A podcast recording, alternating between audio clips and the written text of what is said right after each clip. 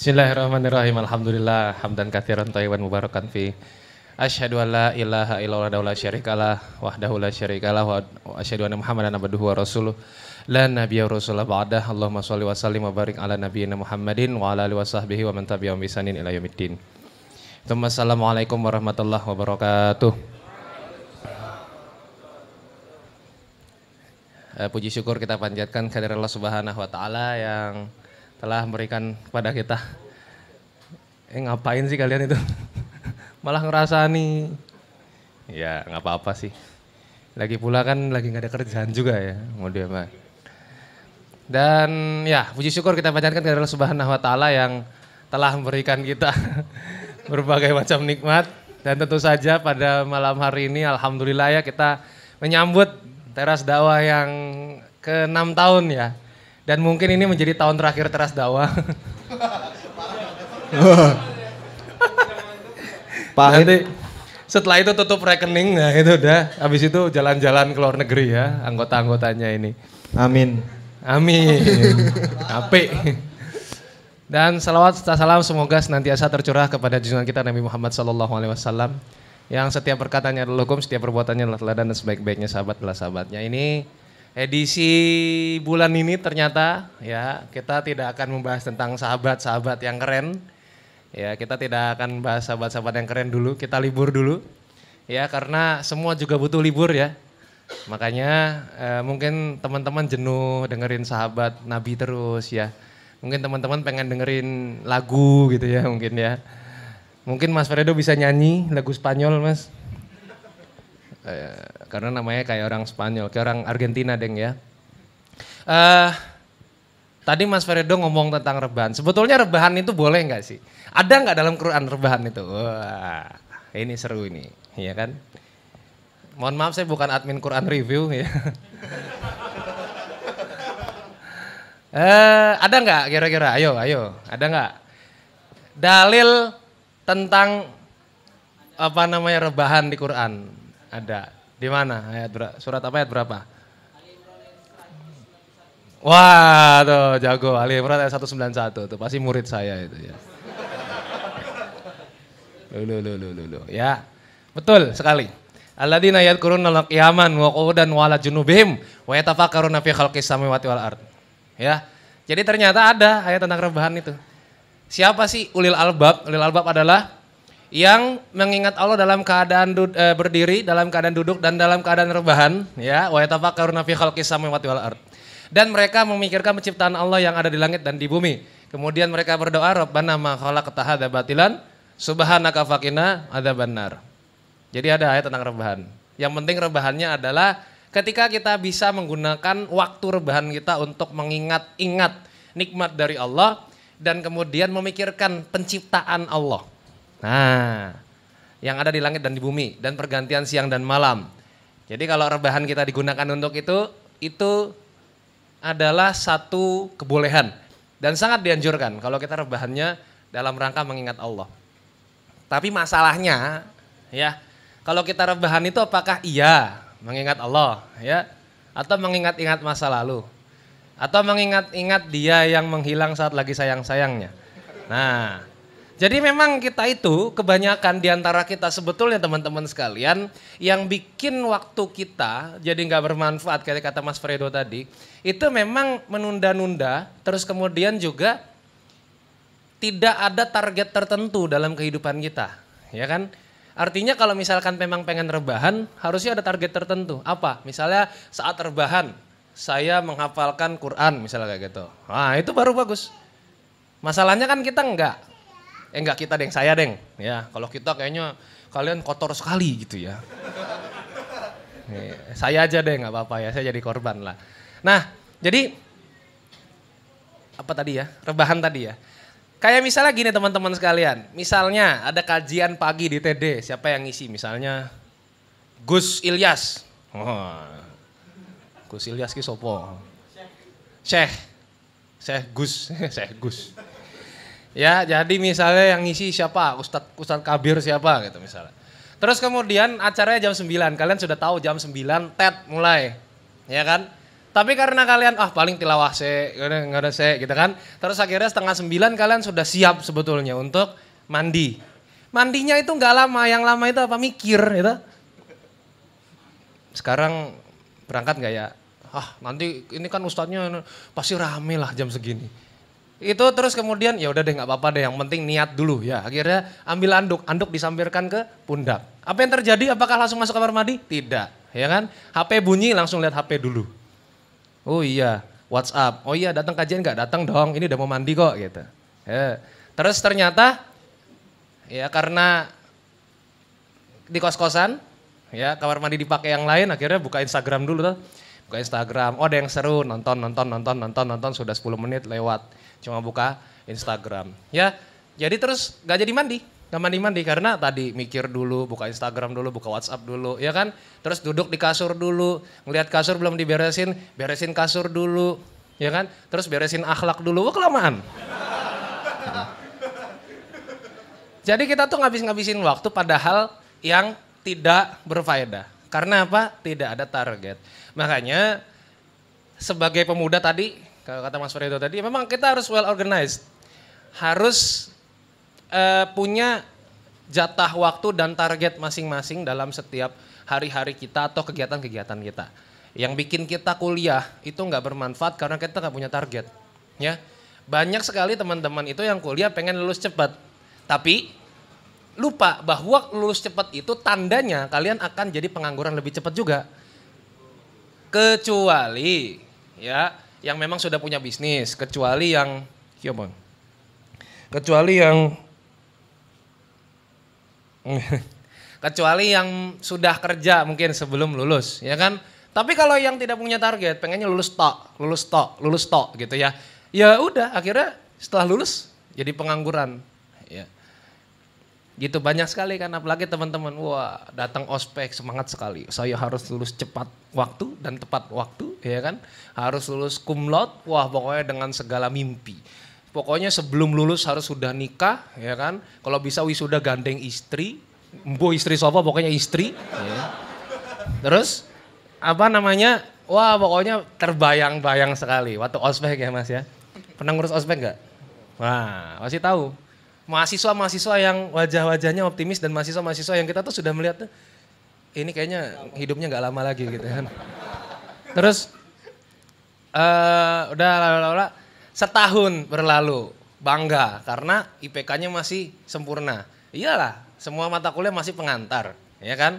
Kayak misalnya Mas Fredoni dulu kuliah teknik geologi, masih pengantar, pengantar batu-batuan, pengantar menjadi batu. Gitu. Pengantar bagaimana tinggal di bawah batu seperti Patrick. Bayangkan teman-teman sekalian, kalian itu kalau nonton SpongeBob, kalian itu kalau seneng rebahan kalah sama Patrick. Bahkan Patrick di bawah batu dia sangat sibuk gitu. Apa ditanya, Patrick kamu cuma nonton TV doang di sini. Tidak SpongeBob, aku sangat sibuk. Kadang aku harus mencari remote, kadang aku harus men harus menggaruk punggungku, gitu kan. Kadang aku harus membenarkan antena, gitu. Ternyata sibuk sekali Patrick. Tidak seperti kalian ini ya kan. Nah, ma, tahun pertama kuliah cuma cuma pengantar. Ya jelas aja nilainya bagus-bagus ya kan. Empat, empat, empat. Cuma pengantar. Gampang kan pengantar. Apalagi dosen-dosen yang ngajar pengantar itu biasanya yang penting kamu masuk ya. Sudah pasti B.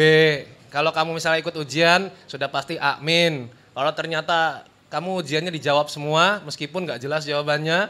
Meskipun isi jawabannya ternyata OST Krayon Shinchan gitu kan. Nggak apa-apa, dapat A kayak gitu. Bangga pulang ke rumah, "Bu, dapat IPK 4 gitu kan, 4,00 gitu." Ibunya nggak ngerti kuliah karena nggak pernah makan bangku kuliah. Kok 4 nak, nggak 10 gitu. Dah kasih tahu kasih tahu. Tahun pertama optimis, pokoknya saya bisa lulus tiga setengah tahun, ya. Pokoknya kalau saya nggak lulus saya beli itu kampus itu. Oh. Tahun kedua masih optimis. Pokoknya saya bisa lulus cepat dan cum laude. Nggak apa-apa nggak 4,0 IPK. Yang penting lulus cepat dan cum laude. Tahun ketiga pokoknya saya lulus aja.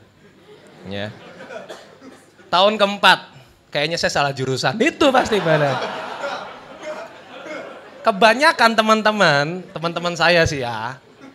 Ya teman-teman saya, kalau teman-teman kalian pasti bagus-bagus ya. Anak ngaji Ya zaman saya kuliah kan nggak kayak kalian gini, sergap ngaji, ke mana ngaji, ke mana ngaji. Zaman saya kan nggak. Itu gitu, sudah masuk semester akhir ya kan, sudah tahu skripsinya susah ternyata, terus sudah ngelihat teman-teman sudah pada lulus, sudah pada uh, apa namanya nikah, sudah pada menikahkan anaknya gitu kan. Sudah tua sekali, dia belum lulus lulus, deg-degan kan, dak dik duk dak dik duk. Aduh kapan nih lulus? Akhirnya kayaknya aku salah jurusan bro. Loh baru sadar di tahun ke-6, tahun ke-7 baru sadar seperti itu. Ya cuma alasan aja. Jadi sebetulnya kadang-kadang kita itu terdistraksi oleh alasan-alasan. Jadi kita tuh dalam kehidupan kita sebetulnya kita tuh enggak banyak aktivitas. Kayak misalnya teman-teman suka tanya, Mas Zaki kenapa kok bisa jadi aktivis, bisa jadi pendakwa, bisa juga ngafalin Quran, tapi lulus bisa cepat, tiga tahun, lima bulan. Saya bilang, Eh mereka tanya, tipsnya apa? Saya bilang saya juga nggak tahu tipsnya apa gitu. Ya kan? Terus saya bilang gini, sebetulnya dalam satu hari kita semua punya jatah yang sama, 24 jam. Tapi apakah kemudian ya dalam 24 jam itu kita betul-betul melaksanakan tugas-tugas kita, kewajiban-kewajiban kita kayak tadi dibilang. Terus betul-betul mengerjakan apa yang memang bermanfaat buat kita. Ya 24 jam itu kadang-kadang terlepas begitu saja tanpa ada sesuatu hal yang bermanfaat. Jadi sebetulnya dalam hidup kita, kita tuh bukan banyak kesibukan, tapi kita banyak alasan. Ya kan? Berangkat kuliah, belajar, belajar, belajar, belajar capek. Sampai di rumah, aduh capek lah. Lagi kan manusiawi gitu. Lagi kan capek, namanya juga manusia kan capek. Kalau aku semangat terus, aku malaikat. Itu kuat-kuat yang apa ya, your kitchen not entry lah.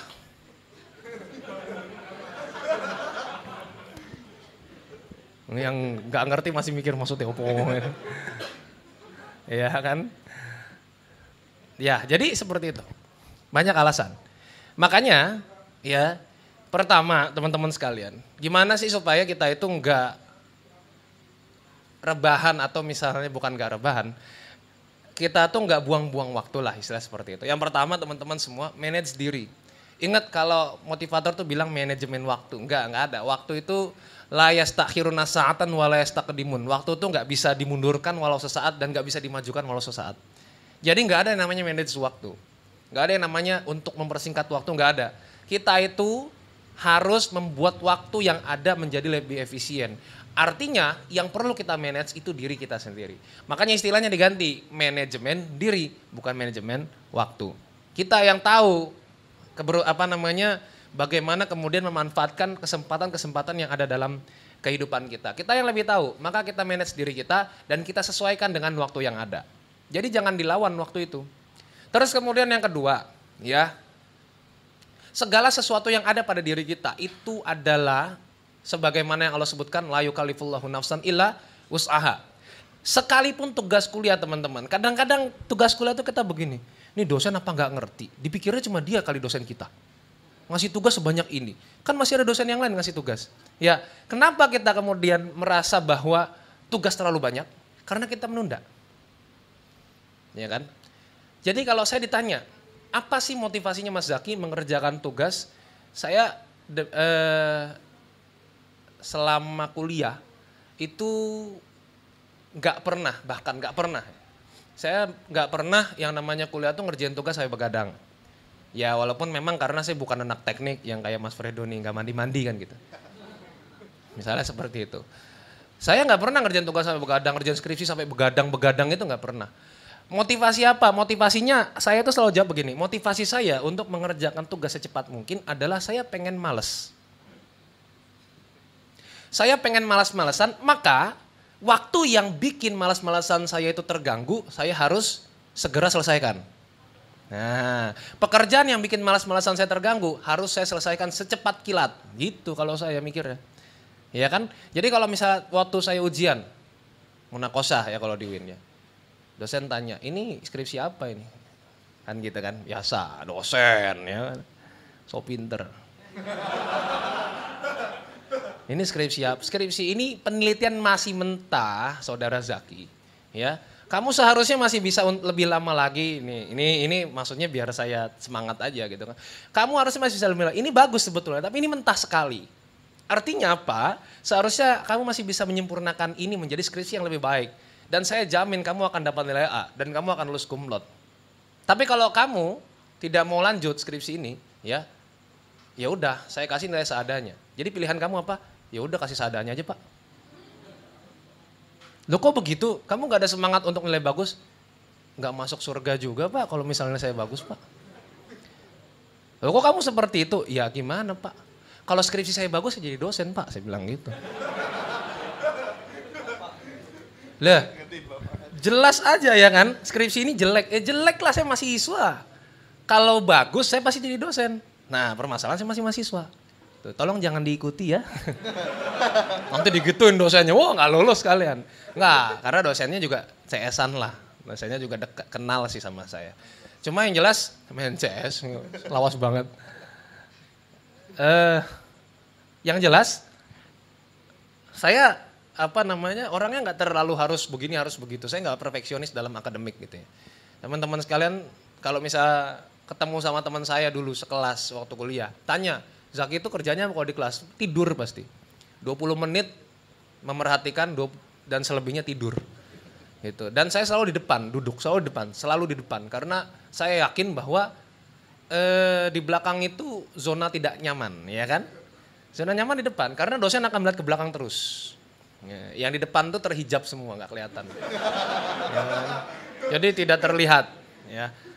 Makanya saya selalu duduk di depan. Kayak kalau ditanya, loh kamu lulus? Lah iya, masuk aja nggak pernah kok bisa lulus. Lobby aja dosennya, saya bilang kayak gitu.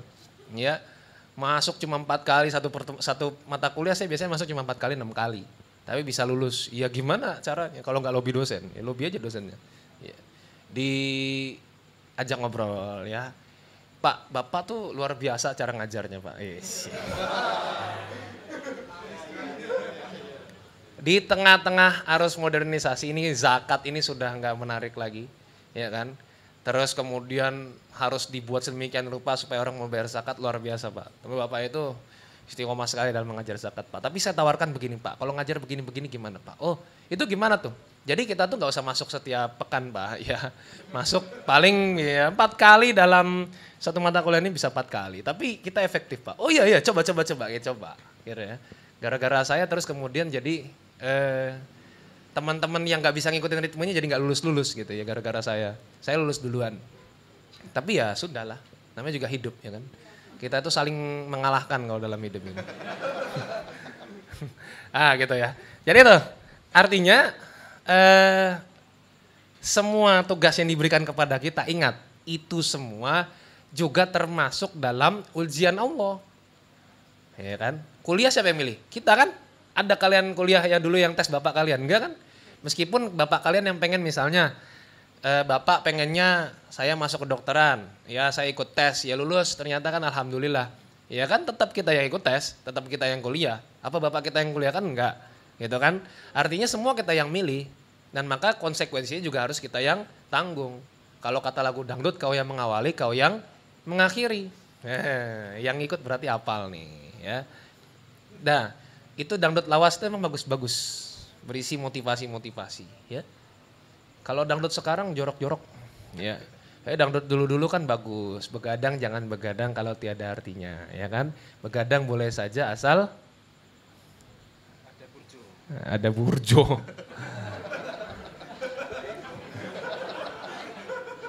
Begadang boleh saja asal berjudi ya.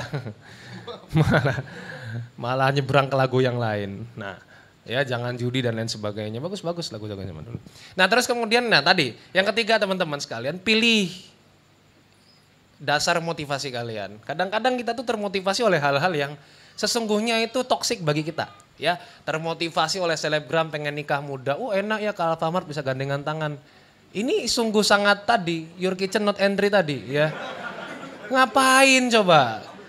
Enak ya bisa gendong-gendongan gitu kan. Oh enak ya bisa jalan berdua. Oh enak ya dalam kesederhanaan. Apaan sih kalian tuh? Ya. Jadi pilih yang memotivasi itu harus ya sesuatu yang memang itu mengarahkan kita kepada jalan yang benar, bukan sekedar memenuhi hawa nafsu. Ya kan? Kadang-kadang yang kita pilih untuk memotivasi itu malah hal-hal yang sebetulnya itu nggak cocok buat diri kita. Ingat teman-teman sekalian, masalah yang kalian punya yang bisa menyelesaikan kalian sendiri. Ya, kesedihan yang kalian punya yang bisa membahagiakan kalian sendiri atas izin Allah semuanya. Yang jelas teman-teman semua, faktor-faktor eksternal itu cuma penunjang. Ya. Yang paling utama, yang paling inti adalah dalam diri kita sendiri. Makanya teman-teman semua kalau misalnya lihat sosmed gitu ya. Kalau lihat sosmed itu lihat yang lebih bermanfaat. Jangan yang bikin kalian tuh hidup itu jadi pengen hidup di surga terus gitu. Ya kan? Melihat selebgram, oh naik motor, naik mobil, motornya bagus. Terus setiap pakai pakaian branded ya kan. Tasnya aja harganya udah seharga kos-kosan kalian setahun ya kan. Itu cuma tas, ya, terus kemudian sepatu, terus kemudian HP. Itu bikin kalian tuh nggak bersyukur. Jadi kita ngeliat ke atas terus, kapan ya saya bisa hidup seperti itu? Kapan bisa hidup seperti itu? Ingat ya, yang sahabat-sahabat Nabi Shallallahu Alaihi Wasallam yang telah cerita, saya ceritakan beberapa episode sebelumnya, itu coba deh lihat, sahabat-sahabat itu tuh kaya, itu emang bakat, selain memang tambah sama usahanya dia. Kalau misalnya kesolehan itu bikin kita kaya, bila bin Rabah pasti kaya. Kalau misalnya kesolehan itu bikin kita bisa jadi sejahtera, Khabab bin Al-Arad pasti sejahtera. Kalau kesolehan itu bisa bikin kita jadi pemimpin, Salman Al-Farisi pasti jadi gubernur yang sukses. Tapi buktinya enggak. Abu Dar Al-Ghifari pasti kalau minta jabatan pasti dikasih sama Rasul. Tapi Rasul bilang, kamu lemah. Artinya apa teman-teman semua? Sekarang kita punya porsi masing-masing. Makanya jangan ngiri gitu loh. Ya, nganan aja, jangan ngiri, ya kan? Jadi cari yang memotivasi. Makanya saya tuh kurang suka ya kalau misalnya ada orang yang eh, ngundang saya ke seminar motivasi. Atau nulis Zaki Ahmad Rifai, bawahnya motivator. Itu biasanya saya suruh hapus. Kenapa? Saya bilang, Mbak, saya motivasi diri sendiri aja nggak bisa, Mbak. Apalagi motivasi diri orang lain. Enggak, Ustadz sudah memotivasi. Allah, gombal saya bilang. ya kan? Jadi, oh ya terakhir saya tuh di sebuah tempat ya, seminar memotivasi anak-anak supaya kuliah. Iya kan? Di jadi anak-anak SMA semua yang datang nih, anak SMA semua, anak-anak anak-anak keliti, kelitihan semua, kelitihan. Nah, iya. Bawa bogir.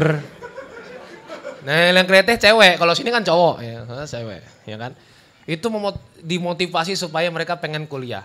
Dan ternyata panitia salah ngundang orang, yang diundang saya, ya. Saya ceritakan, Siapa di sini pengen kuliah? Ngacung semua dong. Wah, ngacung semua. Kalian mau kuliah di mana? Oh, di sini di UGM, di mana, di mana, di mana. Kalian mau kuliah di UGM, yang ngasih motivasi lulusan UIN. Udah salah, itu satu. Kesalahan pertama saat itu yang kedua. Ya. Yang kedua, ya teman-teman semua, apa tujuan kalian kuliah? Oh ada yang pengen kaya nih, pengen jadi pengusaha, ada yang pengen begini, pengen begitu. Saya bilang, kalian pengen kaya, nggak usah kuliah lah, ya kan? Banyak orang-orang nggak kuliah kaya, Terus ngapain kalian kuliah kalau misalnya eh kalau misalnya kalian pengen kaya terus ngapain kalian kuliah? Ah, emang ada yang menjamin kalau kuliah pasti kaya?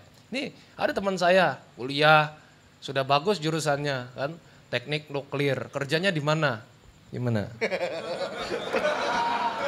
Enggak ini geologi coy, bukan nuklir. Penerbitan. Temennya Mas Fredo. Teknik nuklir di penerbitan. Ya enggak salah, cuma intinya gini loh.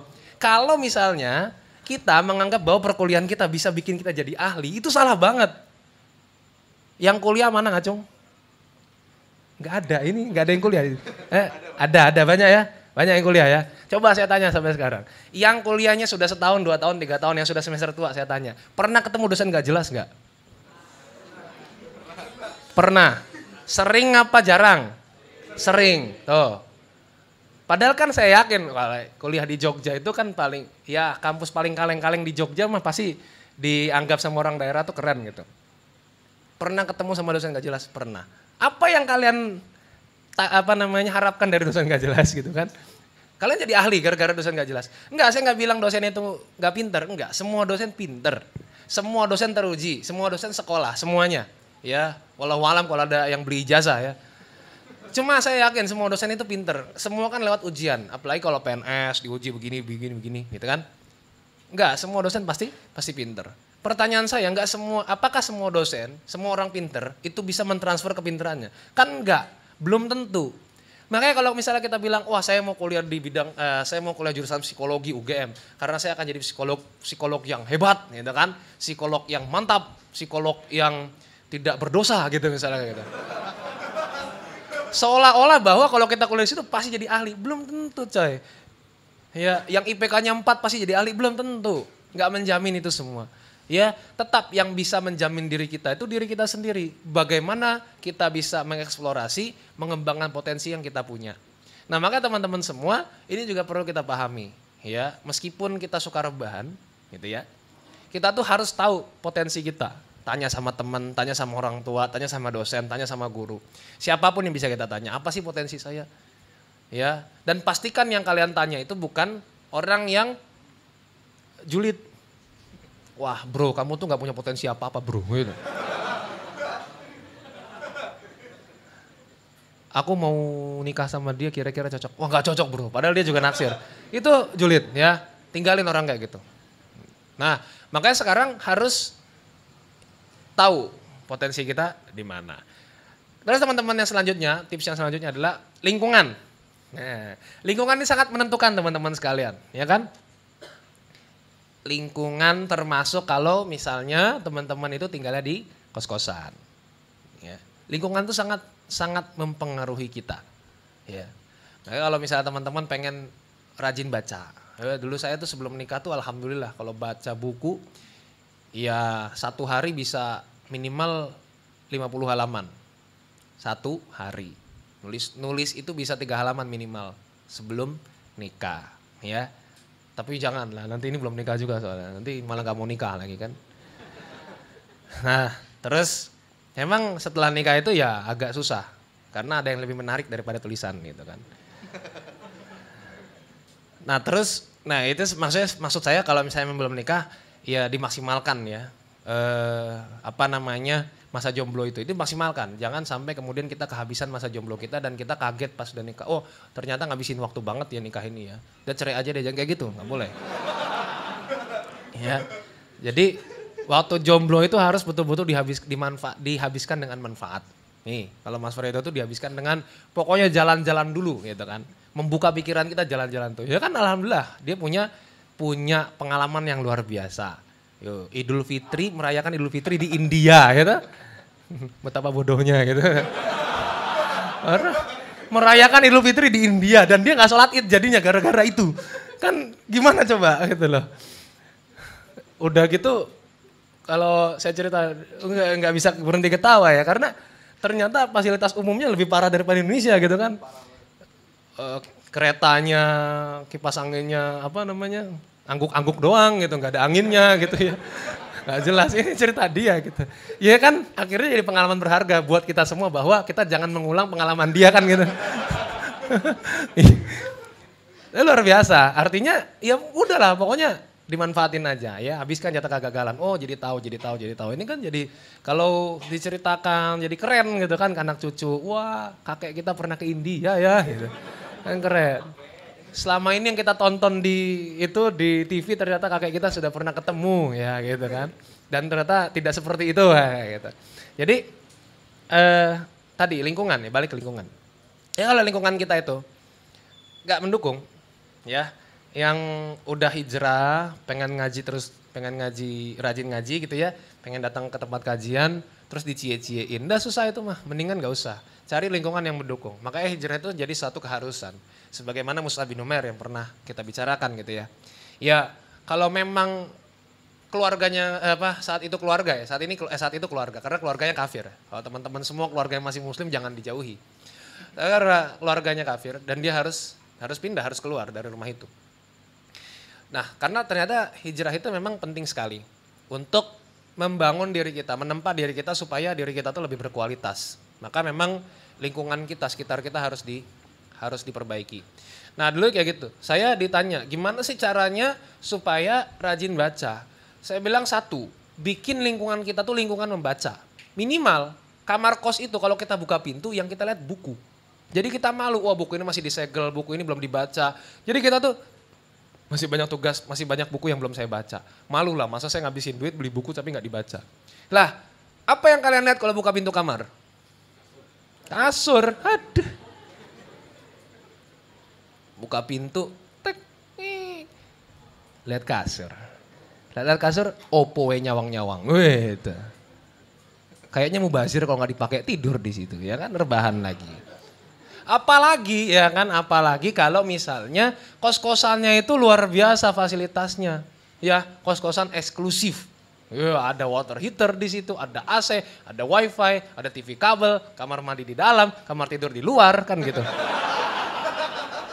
Gimana gitu? Susah kalau begitu. Ya. Jadi yang namanya lingkungan itu kita bangun supaya kita tuh bisa saling mendukung. Dan teman-teman juga nih yang tinggal di kos-kosan ya, biasanya minusnya kita tuh kalau tinggal di kos-kosan jadi individualis, ya, nggak kenal sama kanan kiri, apalagi wah sebelah kanan saya, kamar sebelah kanan saya itu orang uh, non muslim takut saya murtad, nggak gitu. Emang kalau kamu ngetok kamarnya mas, misi mas, terus kamu langsung disiram air baptis, ya enggak lah. Nggak boleh seperti itu ya. Ingat, meskipun mereka bukan seagama, tapi kan kita saudara sama manusia.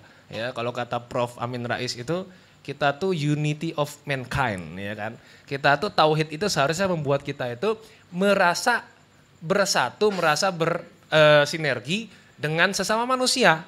Meskipun kita tuh punya akidah yang berbeda, tapi karena kita sesama manusia, maka seharusnya tauhid itu mengajarkan kita untuk bermanfaat juga kepada sesama manusia.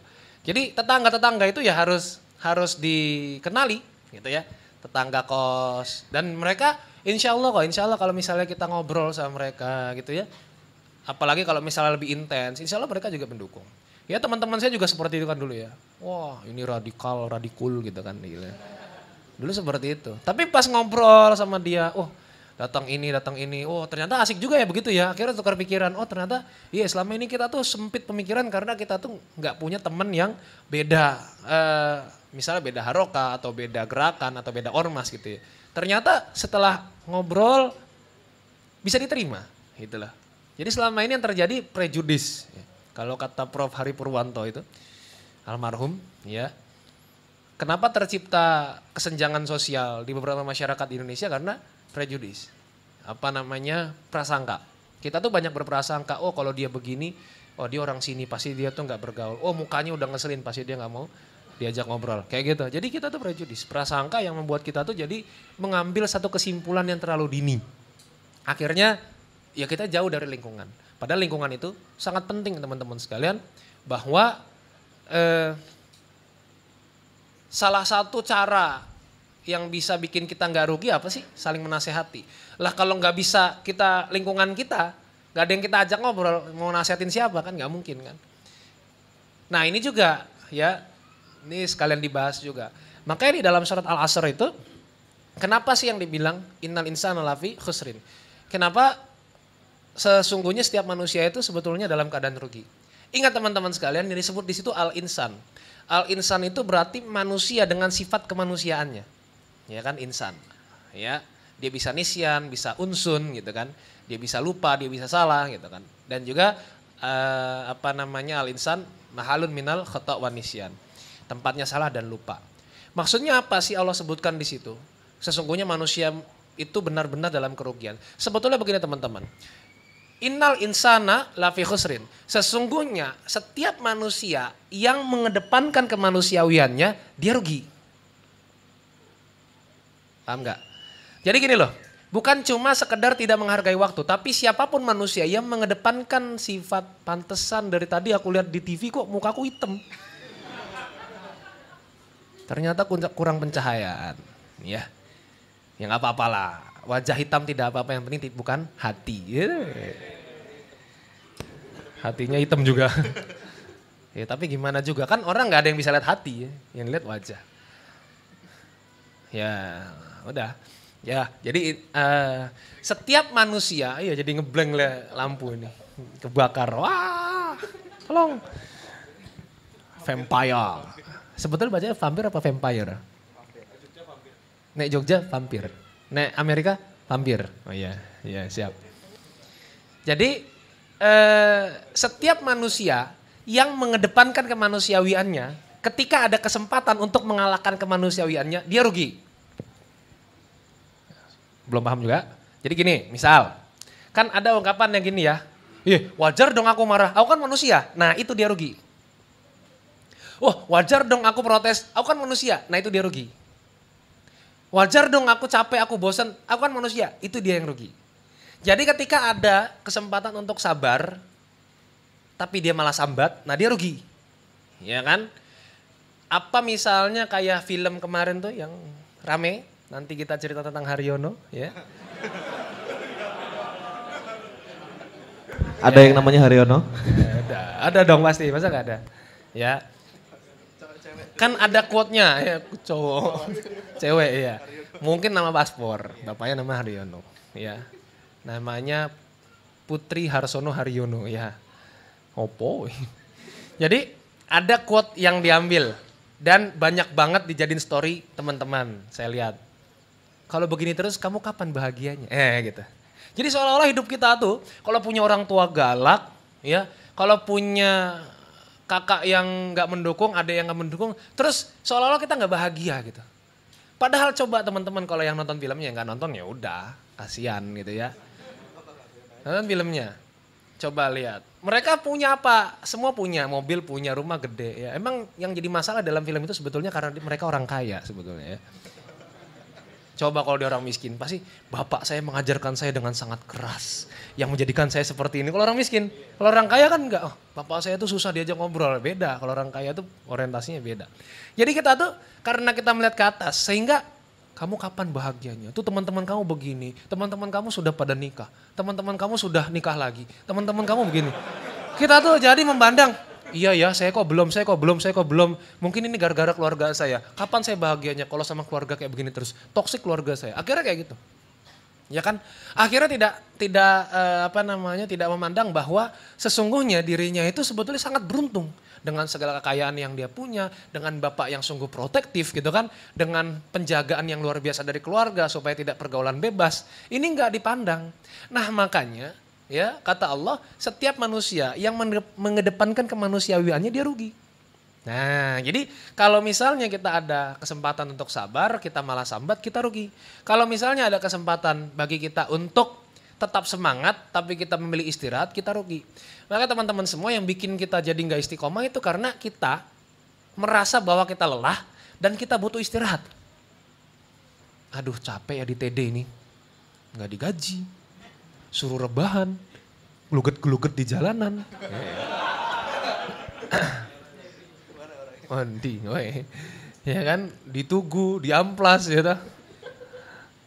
Bikin video, dibayar ora, ora. Wah, kayaknya capek, mendingan kita istirahat dalam dakwah. Ingat teman-teman sekalian, kalau kalian naik gunung, sekali duduk, bangunnya capek nggak?